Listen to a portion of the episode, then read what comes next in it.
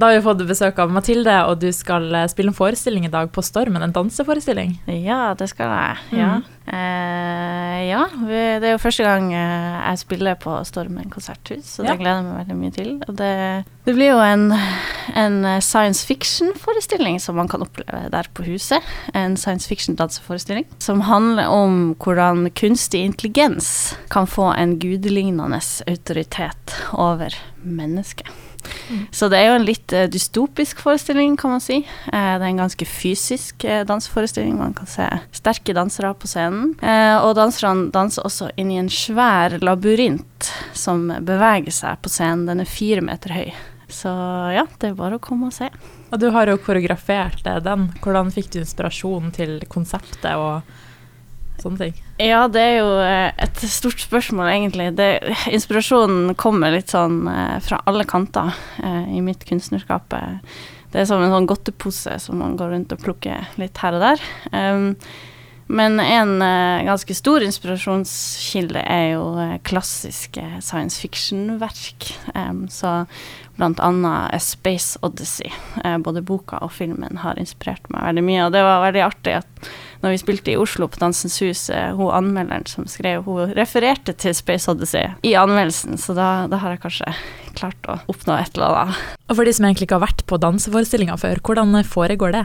Som publikummer så opplever man jo et uh, veldig universalt språk. Dans er jo noe vi Nei, bevegelse er noe vi alle kan forstå til en viss grad. Men jeg tror man skal absolutt ikke gå eh, og se en danseforestilling med et mål om å forstå alt man ser, Uh, og man må kanskje ta med seg litt nysgjerrighet og sin egen fantasi i møte med denne kunstformen. Um, men akkurat denne forestillinga så Um, den balanserer seg jo litt på et sånn vippepunkt mellom det abstrakte og um, det fiksjonelle, så man kan lene seg litt på en slags historie i forestillinga.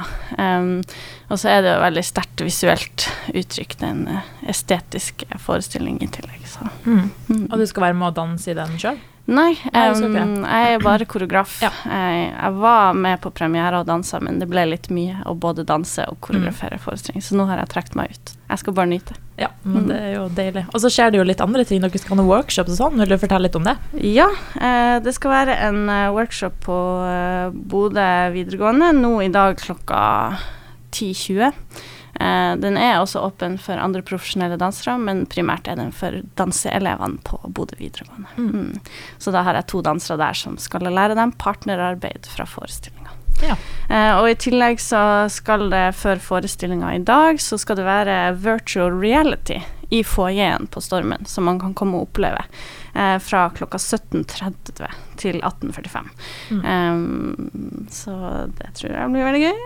Og så på lørdag så kan man også komme på Stormen og oppleve scenografien sjøl. Så man kan komme og eh, komme opp på scenen og eh, kjenne på hvordan det er å være inne i eh, scenografi som bestemmer hvor du får lov å bevege på deg, Mm. og hvor du får lov å gå. Så eh, det er på lørdag fra klokka tolv til klokka halv fire. Mm. Og det er åpent og gratis. Ja. Mm. Og det er jo gøy at det skjer såpass mye med virtual reality og workshops og sånne ting. Hvorfor valgte dere å gjøre så mye ut av eh, denne forestillinga og dansen? Det er jo ikke til å legge skjul på at dans som kunstform er jo en slags lillesøster eh, i forhold til musikken og teater, og kanskje også film, spesielt eh, i Tromsø, hvor jeg er fra. Um, og nå er jeg jo jeg litt biased. Jeg syns jo dans er en fantastisk kunstform fordi jeg jobber med det. Eh, men det er jo på en måte for å, å utvide publikummet og skape et mer mangfoldig publikum for dans i Nord-Norge, da. At Ja. eh, ja, vi har rett og slett lyst til å skape engasjement og, og samle folk, rett og Mm. slett. Mm. Hvordan er interessen for dans i Nord-Norge? Eh, det, er jo, eh, det er jo interesse der, um, absolutt. Um, men vi merker jo at det ofte er bransjefolk som kommer, eh, så folk fra, generelt fra kulturbransjen, og folk som kanskje er spesielt interessert i, i dans, eller kjenner noen som jobber med dans, eller kjenner noen som står på scenen. Um, vi opplever kanskje, og spesielt etter pandemien, at det er litt mindre publikum. Um, og at at folk egentlig generelt, hvis de skal dra og oppleve kultur, så, så prioriterer folk å, å, se konsert eller teater eller eh, film. Så jeg vil absolutt oppfordre folk til å ja, ta en sjanse og gå og se noe man ikke har sett før. Eh, mm. og da er jo dans eh, en veldig fin plass å starte. Og den forestillinga dere skal ha nå, hvem passer den for? Um, den er jo primært for unge voksne og voksne. Um, jeg tror absolutt barn kunne, tenkt, kunne likt å se forestillinga, men da er det nok fra ni år og oppover. Um, jeg tenker jo absolutt at den passer for science fiction-entusiaster.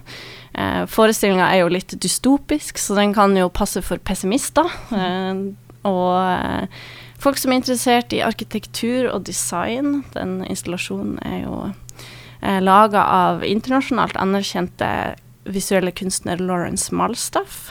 Um, og den kan passe for folk som er interessert i programmering, um, folk som er interessert i spill.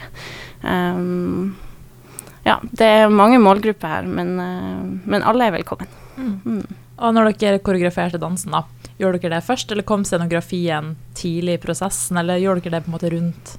Um, scenografien uh, visste vi at skulle være en del av forestillinga fra starten av. Og det er jo seks fire meter høye vegger som kan rotere rundt sin egen akse. Så de skaper jo en slags muterende labyrint med uendelige mulighetsrom.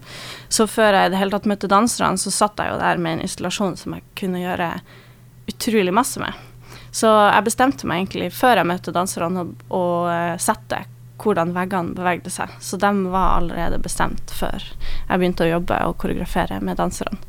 Um, og så lagde vi forestillinga inn i det rammeverket da som jeg hadde satt. Og helt til slutt, da, hvorfor skal folk komme og se på forestillinga?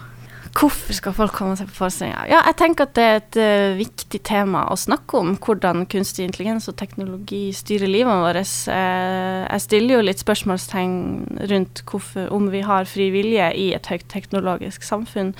Og jeg lagde jo denne forestillinga i 2021, men nå med alt som skjer med utvikling av kunstig intelligens og ChatGPT, så syns jeg absolutt det er viktig å um, begynne å stille litt spørsmål rundt hvordan, altså, hvordan, vi skal utvikle samfunnet vårt i samsvar med teknologien. Takk for at du ville komme og ta en prat. Ja, takk for at jeg fikk komme.